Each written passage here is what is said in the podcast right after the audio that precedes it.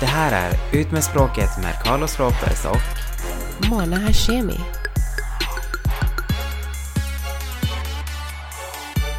Hej, hej, hej Carlos! Hej Mona, det är dags för lite fredagsmys. Absolut, TGI Friday, bästa dagen veckan. Eller är det lördagar som är bästa dagen? Jag bestämmer själv när jag ska jobba så jag brukar försöka ta ledigt fredagar också så jag är liksom ledig fredag, lördag, söndag. Ja, så det beror lite på. Fast det kan vara kul också att jobba och veta typ att okej okay, men nu går jag på helg. Ja, jo det är sant. Medan alla andra mina kollegor får jobba. Men... När man jobbar i det jobbet jag jobbar nu får de ju jobba varannan helg. Oh, jag jobbar ju bara inte helger. Så att, alltså så du har valt att inte jobba helger? Jag är alltid glad. Nej, jag jobbar aldrig helger.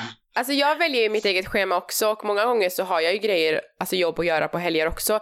Men problemet är att för mig är ju inte måndag bara oh my god it's Monday för att jag, för mig behöver det inte vara, alltså jag behöver inte jobba necessarily på en måndag. Men alla andras, alltså allas eh, attityd ändras på söndagar och de hatar måndagar. Så då kan inte jag mm. vara lika glad. Så då blir man jag själv så. Jag har inte riktigt det det problemet ändå. För att jag menar på fredagar oftast är det så här, jag är ju alltid glad liksom så här bara yes, det är fredag. Och så säger mina kollegor, jaha, jobbar du inte i helgen? Eh, jag ska jobba i helgen och man bara nej jag jobbar aldrig i helgen. Försöker jag säga det lite tyst bara så att inte de ska liksom så här dö av avundsjuka. Men alltså är det okej okay, okay med ditt jobb att du aldrig jobbar helger? Man ska ju göra 37 timmar i veckan och det gör jag ju om jag jobbar mm -hmm. fyra eller fem dagar så att det känns ju extremt onödigt att mm -hmm. gå in och mhm. jobba extra liksom. Nej exakt. Jag Exakt. behöver inte de pengarna på det sättet så att jag behöver jobba. Damn, you're ballin'. Alltså vet du vad jag stör mig på nu när jag höll på att köra hit här är det så svårt att få riktiga nyheter för de ska antingen ska de snacka skit om Trump eller ska det vara kanaler som snackar skit om mm. Demokraterna och det känns som att can I just get the real fucking news somewhere? Alltså jag vill bara veta vad det är som händer i världen, vad det är som kanske händer i LA och jag orkar inte höra på Dems versus Republicans, like I don't really give a fuck typ. Och då frågade jag min vän bara, men hallå vart kan jag bara lyssna på nyheter, alltså bara nyheter utan åsikter? Och då um, sa hon att det finns typ en radiostation KPCC heter den här i LA då, eller jag tror att den är för hela Kalifornien, jag vet inte.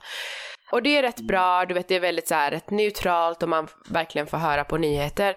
Och sen har de börjat nu, alltså det är så jävla jobbigt, det är så här public radio och det är så jävla jobbigt, de börjar tigga pengar ah, vi är en public radio och vi blir supported, like motherfuckers you get supported by the government. Alltså det, det är fan staten som betalar.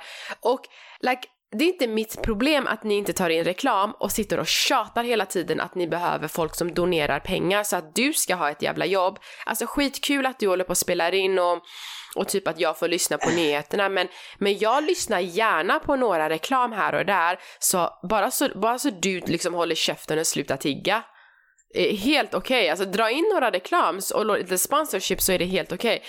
Så nu typ vill jag verkligen skriva ett brev till dem eller typ gå in på deras sociala medier och bara you know I really loved your station, alltså jag älskade stationen men, men alltså jag orkar inte med tiggandet så jag ska sluta lyssna på er. Kanske få gå och lyssna på Fox News eller något Jag då. lyssnar inte mycket på radio men jag kan tänka mig att det är samma sak med P1 och alla de här för det är väl ägt också typ av mm. staten väl? Men tigger de också? Alltså sitter de och tigger pengar? Nej, nej, jag, nej, alltså som sagt jag lyssnar inte på radio så att någon kan ju kanske rätta mig på det här men jag tror inte nej. att de gör det i alla fall.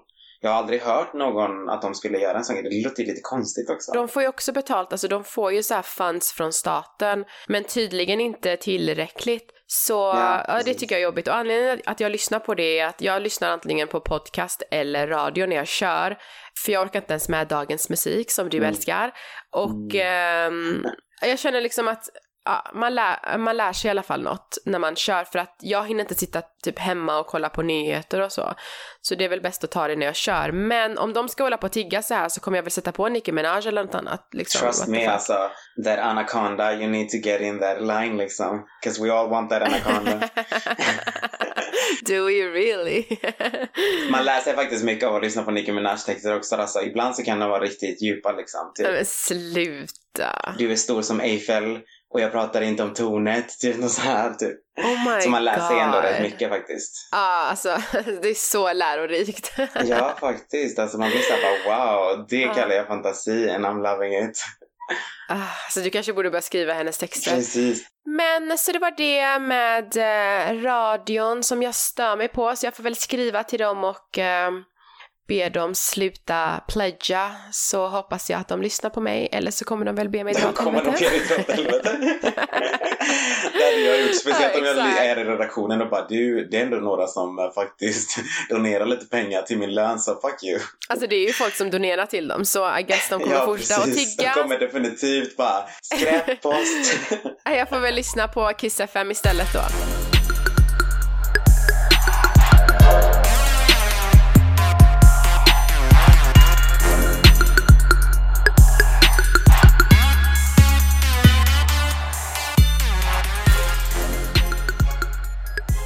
Du, på tal om eh, politik och det här innan eh, vi fortsätter här. Mhm, Jag måste bara fråga dig. Mm. Jag vet inte, innan Trump blev vald mm. Så såg jag på din Instagram att du typ så här var ute i LA och typ så här, de spelade mariachi-musik tror jag.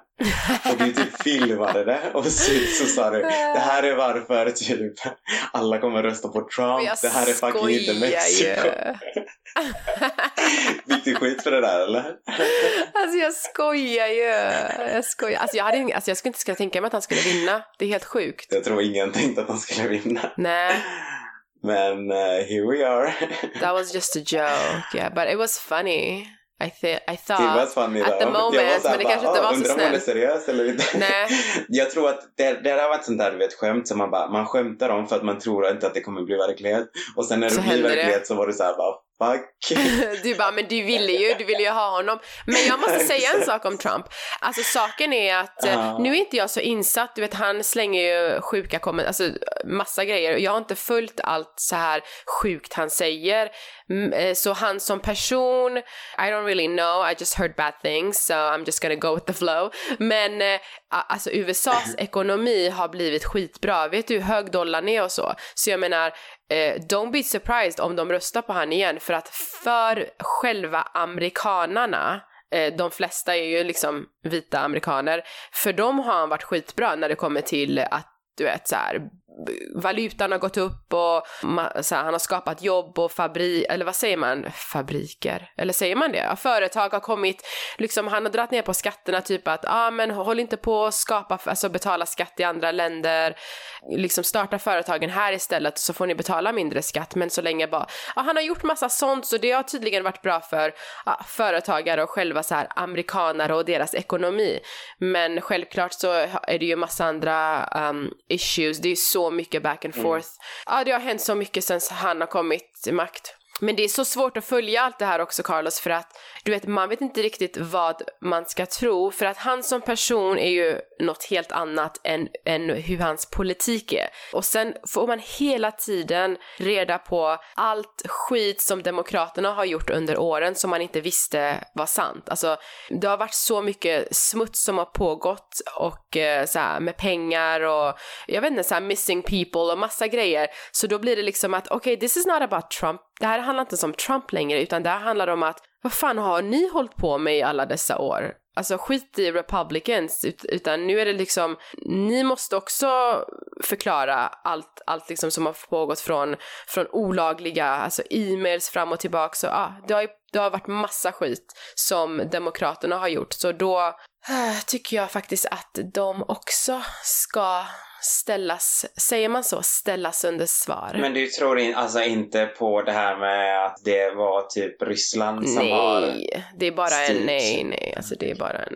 jag tror inte på att, eh, jag tror inte på att, jag tror att Trump har varit så annorlunda i sin kampanj och Tänk dig, det är till 350 miljoner amerikaner, eller ja, människor här. Men du tror väl inte att alla är liberala och, och Nej, inte i USA. Exakt, så du kan väl bara tänka dig när Trump, hur han pratade och hur många som bara yes, yes, typ finally någon som tänker som oss. Så jag tror inte att jag tror inte ens att han har behövt Ryssland, honestly. Ja. Så jag vet inte, det är väl mixed feelings, det beror väl på Time will tell. Time det, beror, will det beror på vart man står inom sin, liksom, inom sin ideologi så att säga.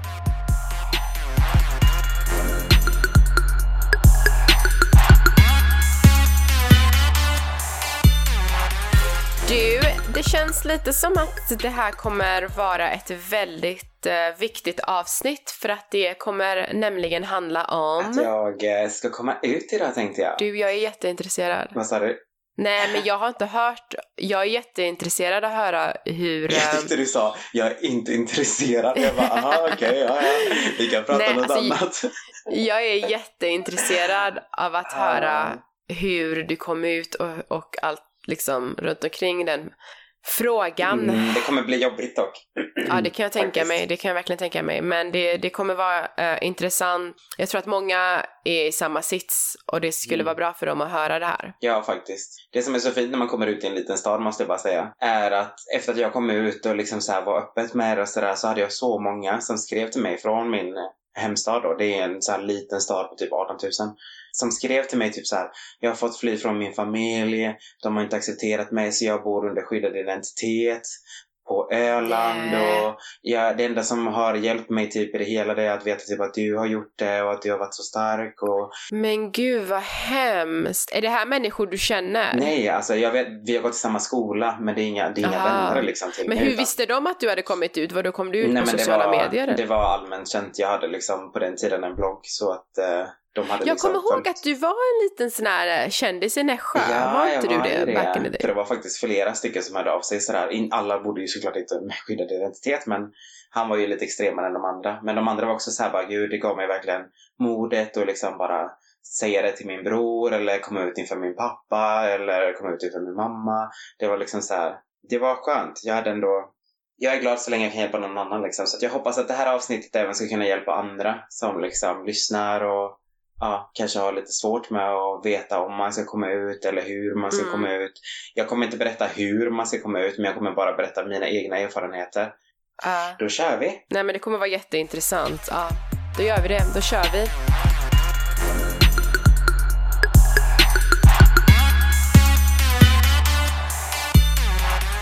Jag kan säga att jag levde inte under skyddad identitet, så så illa var inte min erfarenhet. Men eh, den är inte så perfekt som alla tror heller. De har ju oftast den här Nej. bilden av att jag och mamma är så, så bra med varandra och att vi alltid har haft en jättefin connection.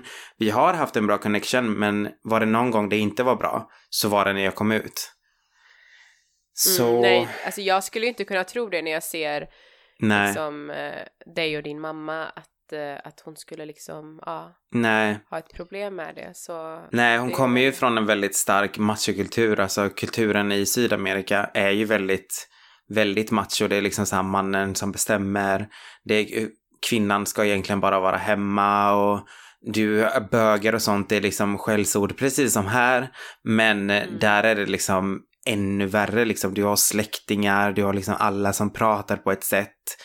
Nu när jag faktiskt tänkte på det, nu jag var faktiskt på den här Peru-Sverige-matchen som var så här vänskapsmatch fotboll nu, bara i somras. ja. Eh, och jag sitter i publiken, eh, de bredvid mig är från Peru förmodligen. Eh, och jag sitter där med hela min familj och de typ bara så här, ah, vad fan du missar din bögjävel fast på spanska du vet. Och jag bara kände så här, alltså den här världen, sportvärlden har verkligen mycket att lära sig och de är så ignorant, alltså det är så här. Ja. Jag brukar inte gå på det är fotbollsmatcher. ignorant är säkert så. så. Ja, det är säkert så på varenda fotbollsmatch. Jag kan tänka mig att Ja. fotbollsspelare blir kallade för bögjävlar och sådär hej vilt. Men jag tyckte bara Ja. det var osmakligt.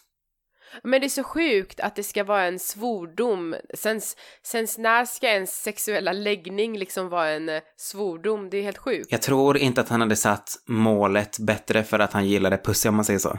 Så att eh, det Exakt, så slutar vad har det med liksom. saken att göra? Exakt. Alltså sluta säga liksom bög som en svordom, alltså det... Mm.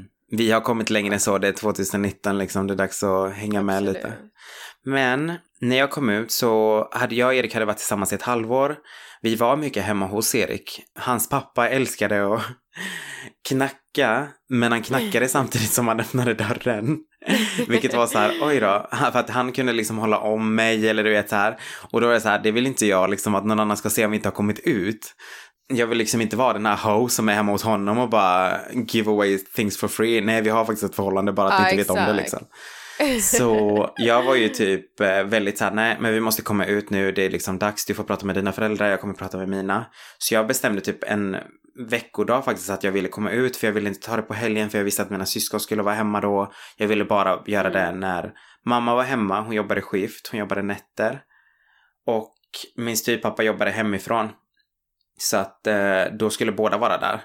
Mamma kommer upp och bara, du är hemma från skolan idag, mår du inte bra? Och jag bara, nej, nej det gör jag inte, jag måste prata med dig. Hon var så här, okej, okay, ja men det, det, är bara att berätta vad det är som, som tynger dig eller om du har ont någonstans. Och jag bara, mm. absolut. Sen började den här äggklockan ringa. Vi bodde i en villa så jag hade mitt, mitt rum på andra våningen. Och köket och deras sovrum var ju på första våningen. Så hon bara, jag ska bara gå ner och kolla till maten men jag kommer tillbaka sen.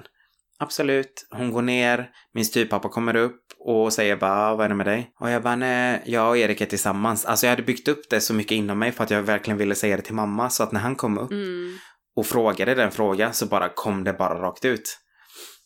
Och hans oh. svar var, ja oh, men eh, du menar som pojkvän flickvän eller? Och jag bara, ja precis som pojkvän flickvän. Och han bara, okej okay, men uh, känns det bra då? Och jag bara, absolut, det känns jättebra. Han bara, men då så, det är ju det som är det viktiga. Och vill du att jag ska prata med din mamma? Ja, visst, det kan du göra. Så gick han ner. Jag går mot eh, trappan för jag ville liksom så här höra vad han skulle säga. Jag hörde ingenting. Det enda jag hörde det var typ att hon springer från köket in på toan och storgråter. Alltså verkligen Nej. stor, stor gråter. Gud vad hemskt. Ja, det var, se, alltså, det var riktigt det. hemskt faktiskt. Att höra, du vet, och hela den här grejen och han kommer upp och har ändrat attityd helt. Han är så här, ja, som du förstår så kommer det här ta, ta en bra tid för oss och, och så här och det måste du ha förståelse för. Och jag bara, men nyss var det ju okej okay för dig. Nyss frågade du mig om jag var lycklig och var glad för min skull och nu så ändrar du dig. För att hon ändrar sig eller för att hon inte tycker så. Mm. Ja, men vi är ju ett team. Vi är ju ett team och jag måste vara, hålla med din mamma och absolut. Absolut, men om det inte passar så kan jag flytta härifrån, så här. Varav mamma hör det, går ut från toaletten och skriker typ till andra våningen. Bara, men låt han flytta, låt han flytta då om han så gärna vill flytta. Shit. Absolut, jag hämtade min väska, packade mina grejer och sen stack jag därifrån. Jag var borta i typ två och en halv, tre veckor ungefär. Jag hade haft kontakt med eh, en man via nätet. En eh, mm. medelålders man. Eller egentligen var han inte så gammal men han jobbade i alla fall mycket nätter. Vilket var så här, jag frågade honom för jag hade ju ingen annanstans att vara. För jag ville inte liksom gå till Erik för det kändes så här, nej, mamma och pappa kommer ju leta efter mig där. Och jag ville liksom inte att de skulle hitta mig egentligen. Så mm. jag eh, skrev till honom bara så här, skulle du kunna tänka dig att låta mig sova hos dig? Och han var så här, absolut, han hade ju en stor lägenhet så att han var så här, absolut, du, jag jobbar ändå nätter. Så jag började kvällar liksom och jobbade. Han kom, jag tror han gick typ till jobbet vid fem eller någonting. Och kom tillbaks typ ja. så här sex på morgonen eller något sånt. Medan jag gick i skolan på dagarna så att då var ju, ja, vi gick ju om varandra hela tiden. Vi såg typ knappt varandra. Så mm. jag var där och efter någon dag så skriver min styvpappa typ ah, behöver du pengar till någonting så är det bara att säga till och, och jag var så här, pengar är det sista jag behöver, lite kärlek liksom på sin plats. Eh, hon hörde aldrig av sig till mig under den tiden. Jag var där ungefär i två veckor innan hon skrev ett mail och skrev Ja, ah, jag har eh, sökt hjälp, jag har fått prata med en psykolog och jag förstår nu att jag agerade fel. Alltså jag bara bröt ihop för det var så här. Egentligen Gud. var det typ så, för mig var det så fint att hon faktiskt tog tag i det. Mm. Att hon faktiskt sökte hjälp, att hon faktiskt vågade mm. ifrågasätta sin uppväxt, sin kultur, sina fördomar. För att liksom någonstans möta mig i mitten. För att jag ja, har aldrig sagt att hon måste älska dig. Jag har aldrig sagt att hon måste vara hurra för gayrörelsen. Det enda jag behöver mm. det är bara att hon inte ska vara dömande mot sin egen son. Det var det enda jag krävde. Speciellt eftersom jag Nej, faktiskt exakt. alltid har ställt upp för henne. Nej men det var jättefint av henne att hon liksom sökte hjälp och bara liksom försökte hitta en utväg, eller inte en utväg, en, en lösning till allt det här, liksom varför hon mår som hon mår och, eh, och att hon liksom hörde av sig till dig. Mm, absolut och hon, eh, sen fick vi prata, vi pratade lite smått och sen så var det liksom bra, jag flyttade hem och sådär och sen så vidrörde inte vi egentligen det ämnet så mycket mer. Hon behövde verkligen en Men slow start. Men sa du att du hade pojkvän? Jag sa ju det till Erik, eller till henne sen då, att jag var tillsammans med Erik då, för att det hade ju pappa sagt ändå. Men ah, okay. så sa det var så roligt för Erik var hos mig någon vecka senare och vi var i mitt rum sådär och han bara, jag måste bara gå ner på toaletten. På den tiden fanns det bara en toalett och det var på nedervåningen. Mm. Så han gick ner och sen när han kommer upp så han sa, jag måste sticka hem, jag måste sticka hem. Och jag bara, okej. Och han bara, ja alltså jag måste Nej, men- gå nu. Och jag bara, "Mm, varför? Han bara, nej men, eh, nej men jag kan säga det sen eller, ja vi kan prata sen. Och jag bara, okej. Så stack han och sen så pratade vi via telefon och då säger han, nej eh, din mamma slängde ut mig. Va? Hon- Är det sant? ja, hon hade slängt ut honom. Hon tyckte väl att det gick lite för fort liksom, att han skulle vara där Ah. i hennes face liksom. Så att eh, han, hon ville inte ha Fast honom det kan där. jag förstå, eller om man har liksom problem med det så kan jag förstå att det är liksom kanske lite Ja, för snabbt där. Absolut, så att för mig var det så här, ah, ja skitsamma, vi ger henne den tid hon behöver, vi kan vara mer hemma hos dig bara, det är inga problem liksom. Nej, det var faktiskt så det var för mig att komma ut. Och det sjuka egentligen, det är typ att vi har inte vidrört det ämnet sen dess. Det här var alltså 2006 måste det ha varit. Jag var väl cirka 16 Jaha, år. ni har aldrig liksom suttit och pratat om det? In, nej, faktiskt det. inte. För, förrän nu för ungefär två månader sedan var vi ute och åt, bara jag och mamma. Och hon eh, tar upp det med, eh, med min lill... Hon hade varit hemma hos min lillebror och Mm. pratat med han och hans tjej och så hade hon bara... På något sätt hade de kommit in på ämnet. Varav hon säger bara nej, alltså jag ber om ursäkt om jag inte betedde mig så bra när det gäller Carlos situationen. Och sen så säger min lillebror, fast det är inte oss, eller det är inte mig du ska be om ursäkt till, det är egentligen Carlos du ska prata med. Mm. För det är ju han som fått genomgå alltihopa, det är ju inte jag. Så när vi sitter där och äter på restaurangen så hon kunde inte ens se mig i ögonen, det var så hemskt. Men eh, hon bara, nej men jag måste bara ta upp en sak med dig. Jag pratade med din lillebror och jag, jag har egentligen aldrig bett om ursäkt för hur jag betedde mig då. Och jag sa det liksom att för mig egentligen var det egentligen inte mitt problem att komma ut och hela den här grejen. Alltså det som verkligen var hjärtskärande för mig. Det var att jag har alltid ställt upp för henne. Jag, alltså, så fort hon lämnade min riktiga pappa har jag alltid varit där för henne. När hon träffade sin eh, barndomskärlek och blev ihop med honom har jag alltid varit där och pro honom. När hon valde att lämna honom för att träffa min styvpappa då. Och vi tyckte egentligen om våran, eh, alltså hennes barndomskärlek var typ så jävla bra. Alltså han var en extremt Mm. bra man liksom. Så vi, både jag och min lillebror älskade honom. Så att min lillebror jag hade egentligen jättesvårt när hon valde att lämna honom för att bli tillsammans med den svenska styvpappan då som jag hade sen resten av min uppväxt. Min lillebror var verkligen så här jätte emot det. Men när mamma sa nej men jag, jag vill försöka nu med eh, min styvpappa då, den svenska, så var jag så här absolut. Det är liksom så länge du är lycklig så. Jag har alltid varit sån du vet. Jag har alltid varit så här så länge du är lycklig så är jag där. Jag var alltid den som övertalade min minsta lillebror bara men sluta vara sur, sluta vara ledsen. Vi måste göra det här för mamma. Det här är för mammas Mm. bästa. Vi måste tänka på att hon ska vara lycklig, lalala. Och sen första gången jag kommer med dig, till dig med mina egna problem eller vad man ska säga med som har med relationer att göra så beter du dig på det sättet mot mig. Det var inte fair. Alltså det var inte okej. Det var Nej, egentligen det exakt. som gjorde mest ont och det sa jag till henne liksom. Det var inte egentligen att komma ut utan det var att jag har alltid ställt upp för dig ovillkorligt. Men jag kände inte att du gjorde samma sak när jag kom till dig. Men eh, vi båda satt där och grät mitt i restaurangen. Alltid kul att man måste ta upp sånt in public också. Men det är tur att jag alltid har med mig mina shades. att, Det är bara att ta på sig solglasögonen och keep it pushing. det är ändå så fint för att eh, ni behövde liksom verkligen prata om det och det är så skönt ibland att bara gråta och få det, få det Ja, överstökat. faktiskt. Eller få ut allt. Absolut, och nu är hon ju så här, hon älskar ju Erik över allt annat alltså. Mm. Så här, jag, har ju, jag och Erik har tagit ett break.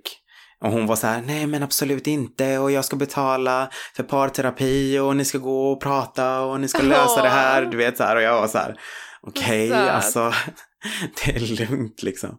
Men så hon allt, nu är hon ju så här, ja, Erik är ju en så stor del av min familj nu. Min minsta Mm. lillebror kommer inte ens ihåg när Erik inte var med liksom. Han har ju sett honom sen han var Mm.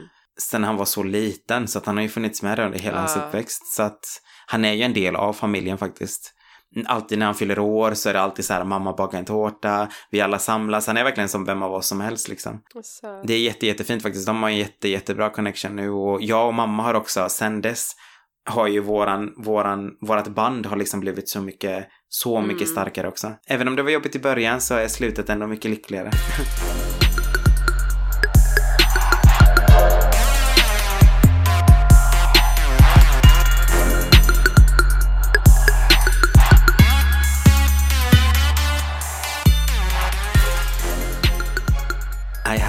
special announcement. Aha, oj. Yes, det här kommer ut den 29 mars. Mars. Ja. Och eh, nu har jag ju varit tillsammans med Erik i, vad är det, 12, 13 år. Vi har haft våra upp och nedgångar, vi har båda gjort misstag. Vi har verkligen kämpat oss igenom allting. Vi har varit ifrån varandra, vet hur det är att vara var för sig, men har märkt efter allt att det är liksom vi. Vi verkligen älskar verkligen varandra. Mm. Så, tomorrow I'm getting married. oh my god! Är det sant? Yes! Nej!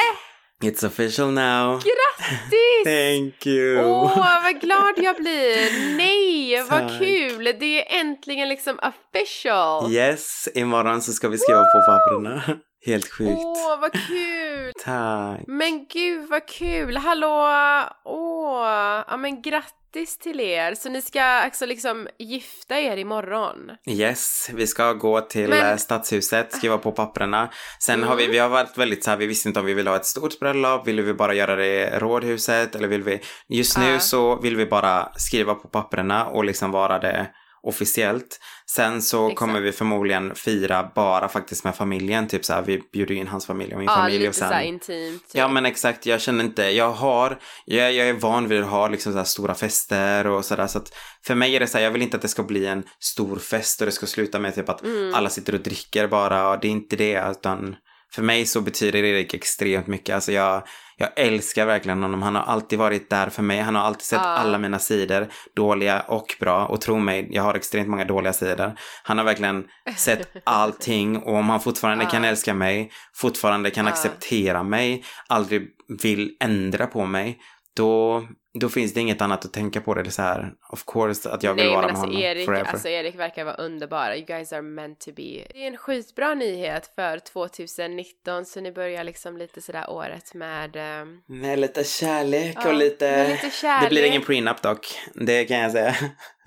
Det blir inga vad? Det blir ingen prenup. Nej men gud, alltså man ska ju aldrig skriva på en prenup Mm, som, nej, nej. eh, som partner. Så Nej. idag då, vi spelar ju inte in såklart och släpper det på samma dag, men idag Mm. så var jag faktiskt och kollade på ringarna. Så vi har eh, valt ut nu en, eh, det var jätte, jättefina, alltså jag längtar till jag får visa den. Ja men, du Men, måste skicka bild. Ja, ja, den 30 så efter att ni har hört det här och allting så kommer ni få se liksom The Ring. Den är så fin. Den kommer, den kommer vara specialgjord. För det kommer vara två ringar som de sätter ihop för jag vill ha en lite tjockare. Så då skulle de Ja. göra den. Och sen vill jag inte ha, stenarna vill jag ha på ett annat sätt och sådär. Så den kommer, de ska skicka nu i veckan då. På hur den kommer se ut. Så du ska ha stenar? Of course! Jag har sagt att jag har någon liksom Ah. så här att jag skiter fullständigt i vad, vad ringen kostar men har jag varit tillsammans med dig i 12 år så ska jag bara kunna peka och få det. Så är det bara. Ja, så... nej men alltså vet du vad, jag är också sån, jag skiter i så här bröllop och festen och allt det Mm. där. Ta det till rådhuset, I don't really give a fuck. Och så man kan ha en så här liten intim grej för familjen för att man ska ändå typ så här ha bilder och det ska ändå vara något att fira. Exakt. Men eh, för mig, jag tycker så här ringen är skitviktig. Det är den jag ska bära, hopefully, for, the, för resten av mitt liv. Mm. Eh, den ska vara fin, den ska vara dyr, den ska vara stor. Och eh, sen vill jag ha en jävligt skön honeymoon också. Ja.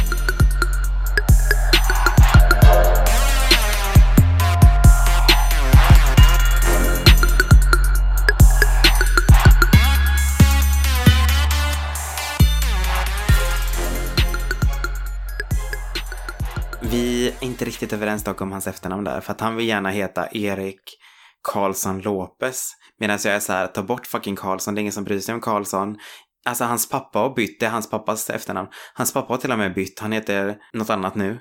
Så att det är så här, varför ska du stå kvar vid Karlsson? Jag fattar inte, det är liksom Sveriges vanligaste efternamn typ efter Svensson. Men så vänta, varför ska han ta ditt efternamn? Du kan ju, alltså, du, så du har inte tänkt att liksom ta hans efternamn? Carlos Karlsson, låter det bra eller? Carlos Carl.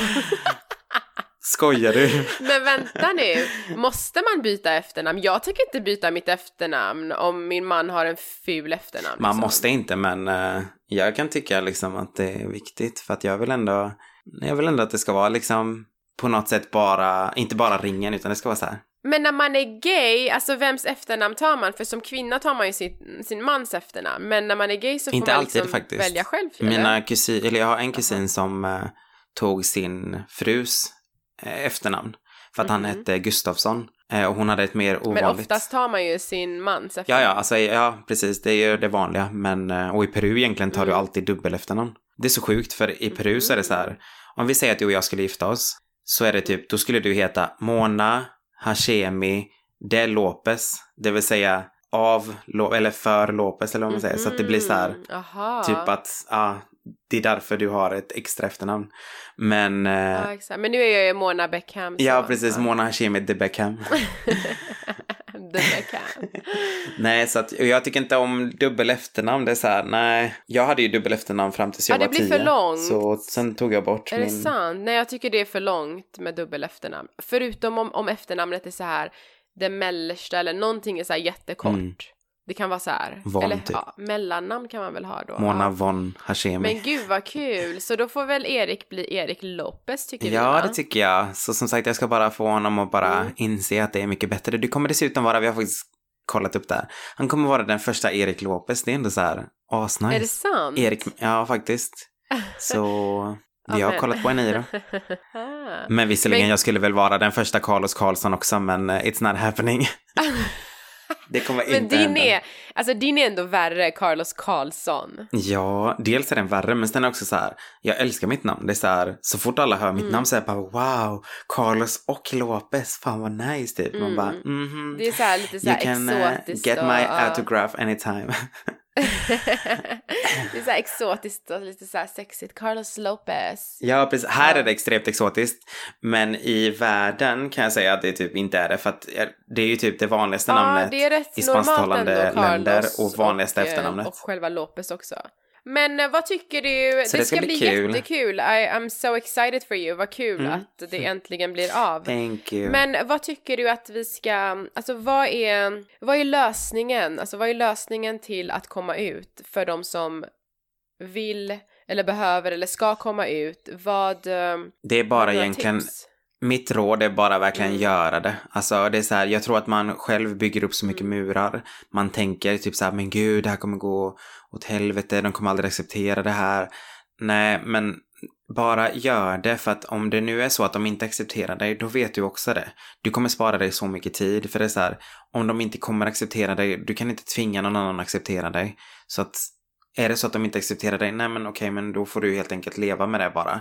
Och så kanske du får ha det i åtanke att okej, men jag kanske inte kan komma hem och vara liksom med en kille och ta med mig en kille hem och Eller sådär. Utan då får jag ju ha två olika Mm. separata liv liksom. Jag hänger med min familj när jag behöver liksom umgås vid sådana här alltså, familjetillställningar. Men sen har jag en familj hemma som väntar på mig. Som är det, min pojkvän det eller är så flickvän. många som väljer att, får man att liksom ha det här det. dubbellivet för att det blir så mycket konflikter. Alltså du måste tänka på folk som, Mm. som blir hotade och kanske till och med mördade och slagna och så av sina familjemedlemmar. Exakt. Och det är ju väldigt svårt att komma ut och alltså typ just det här som vi pratade om kulturkrockar innan. Mm. Tänk att ha en sån här stark kultur där det verkligen är förbjudet att vara gay. Då, då är det ju väldigt svårt att Ja. komma ut för att då kanske du aldrig får träffa din familj igen. Så som du sa nu att du hade flera som hörde av sig och de har skyddat identitet så. Så då tänker man, är det värt det eller ska man bara leva Ja, den här precis. dubbellivet tills tiden går och med tiden kanske folk ändrar åsikt lite mer. Du vet världen håller ju på att bli mer och mer liberal. Jag tror inte det. Jag tror inte det. Jag tror inte folk ändrar åsikt. det är jag ju mer inte... normalt nu. Alltså, Om du har, det är ju mer normalt i vissa Ja. kretsar. Vi kan, jag kan säga det så här, de som är verkligen anti, de kommer alltid vara anti. Du Nej. kommer inte kunna ändra det för det hänger mycket med kulturen, det hänger kanske till och med med religionen. det är sant. Men jag tror inte att min familj hade något, skulle ha något emot om jag skulle komma ut säger vi. Kommer du ut nu? Nej jag tänkte precis säga, oh men nu my är jag god, inte it's gay. official, Mona Nej. kommer ut. Du, jag önskar jag var gay för att jag kan bara tänka mig hur mycket enklare mitt liv hade varit om jag hade varit intresserad av kvinnor och bara fått leva med en kvinna istället. Men nu är det ju tyvärr inte så. Eh, men vi säger nu om jag skulle vara gay och skulle komma ut. Jag tror inte att min familj hade, de hade blivit lite sådär småchockade och kanske bara aha men och, typ sådär lite i chock såklart. Men, men Ja. saken är att hade jag kommit ut kanske när jag var tonår, 90-talet, då tror jag att min familj ja, hade lite mer annorlunda åsikter än, alltså jag kan ju bara säga typ min mamma exempelvis, sättet hon kanske tänkte på och ja, om, om sex, eh, homosexualitet och, och mycket annat på 90-talet är ju helt annorlunda än vad hon tycker och tänker nu. Och om jag ändå skulle flytta till Mm. USA så hade jag ju bara, men det är ingen idé att komma ut, sen kommer jag hit och ligger med massa tjejer och hur fan ska hon veta det? Och sen kommer jag ut när det är 2000 liksom någonting och då får hon väl bara acceptera det. Så ibland kanske, jag vet inte, det känns som att ja, men det kanske är bättre att bara vänta med det och se vart jag ska bo och du vet. Jag tror att man förlorar så mycket av sig själv om man väntar också. För att det blir så här att du tänker typ, nej men okej jag tar det senare, jag tar det senare. Tro mig, det blir inte lättare med tiden. Det blir nästan svårare med tiden. Du kommer höra de här kommentarerna. Jaha, när ska du Mm. skaffa tjej då? Och har du någon på G? Och när får jag barnbarn? Tro mig, det där är inte kul att höra hela ditt liv. Det kan aldrig vara kul att höra det. Speciellt när du vet att fan, kom, du kommer aldrig få en, jag, du kommer aldrig se en flickvän komma in genom dörren med mig. Du kommer aldrig se ett barnbarn och vi alla kommer in som en Mm. barn. Det kommer inte hända liksom. Mm. Och höra det eviga tjatet, det blir lite som för dig. Som du vet när folk pratar, du vet och säger ja men när ska du få barn, lalala. Jag kanske inte vill ha barn, jag kanske inte vill höra det heller. Du kan ändå säga det. Jag vill faktiskt Ja. inte ha barn, så sluta tjata liksom.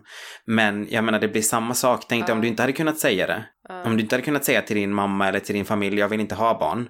För att de liksom känner att alla ska ha barn. Och så kommer du och bara sitter där och bara, mm, nu måste jag höra det där jävla tjatet om att jag ska ha barn. När ska jag ha barn, typ. Det är ju inte kul. Ja exakt. Ja men alla, alla bara typ så här assume att man ska ha barn. Precis. Ska du ha barn Carlos? Vill du ha barn? Eller vi måste prata om bajsblöjan på ett, an- alltså ett annat avsnitt. Jag tänkte innan att jag ville ha det. Just nu är jag mer inne på Mm. att faktiskt inte ha det. För att det känns som att det kommer ta så extremt mycket tid. Om det är liksom så Ja, jag är här. på samma plan. Alltså jag tror inte jag ser mig själv Du vet så som... fort jag hör barn gråta, du vet på, på alltså, allmänna jag platser, jag är så här, åh panikattack. gud. Usch. Det är det värsta jag vet. Alltså hundskäll, alltså riktigt Mm. skäll, alltså inte kanske en eller två gånger, men riktigt så här skäll, skäll, skäll, typ grannen kör förbi och hunden skäller i 15 minuter Mm. typ. Eh, hundskäll och barn, gråtande, gnällande. Alltså jag, literally, jag får verkligen panikattack. Jag får typ så här hjärtklappningar alltså, av det. Det är så jävla jobbigt. Mm. Sen kanske det är annorlunda om det är ens egna, det vet man aldrig. Men jag tror fortfarande inte jag hade orkat. Alltså jag tror inte jag hade orkat Mm. lägga hela mitt liv åt en annan person typ. Jag är tyvärr alldeles för egocentrisk för att göra det. och jag också. skäms inte Och över det. Jag älskar mig själv och jag ja, älskar min sömn. Jag prioriterar hellre det. Det är ingen Ja. idé att jag skaffar barn bara för att det ser bra ut. Utan ska jag skaffa barn så är det för att jag faktiskt Exakt. har godtagit att jag ska vara förälder i ha 18 dem. år liksom framåt. Ja. Annars är det ingen idé. Ja, exakt. Det tar ju aldrig slut heller, det är ju aldrig bara 18 år. Men eh, Mm. med de orden så får vi faktiskt ha ett avsnitt där vi pratar om Ja, bajsblöjan. Så då får det bli ett eh, avsnitt om att, eh, vad vi tycker och ska man ha eller ska man inte ha barn. Exakt. Eh, men glöm inte att eh, prenumerera. Nej, jag kan inte säga det ordet. Glöm inte att subscriba. Mm. Jag kan aldrig säga det.